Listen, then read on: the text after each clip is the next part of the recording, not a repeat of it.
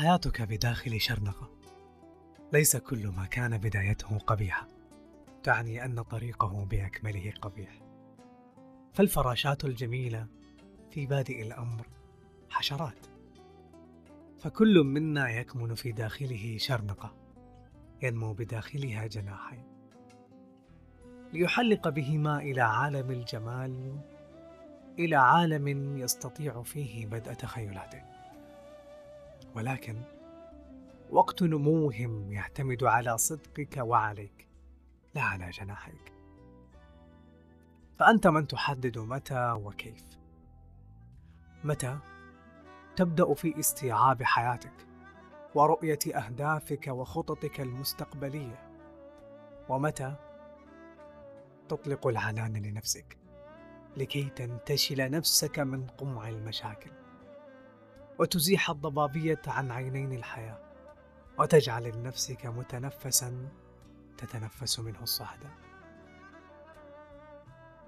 وكيف؟ تستمر على ما تقوم به. فليست الصعوبة في الوصول للقمة بل بالثبات فيها.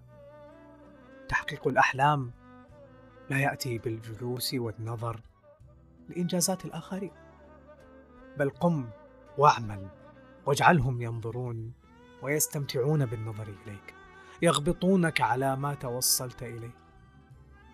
عزيزي حلق بجناحيك وحقق أحلامك. حلما بعد حلم بعد حلم بعد حلم. فليست كل البدايات جميلة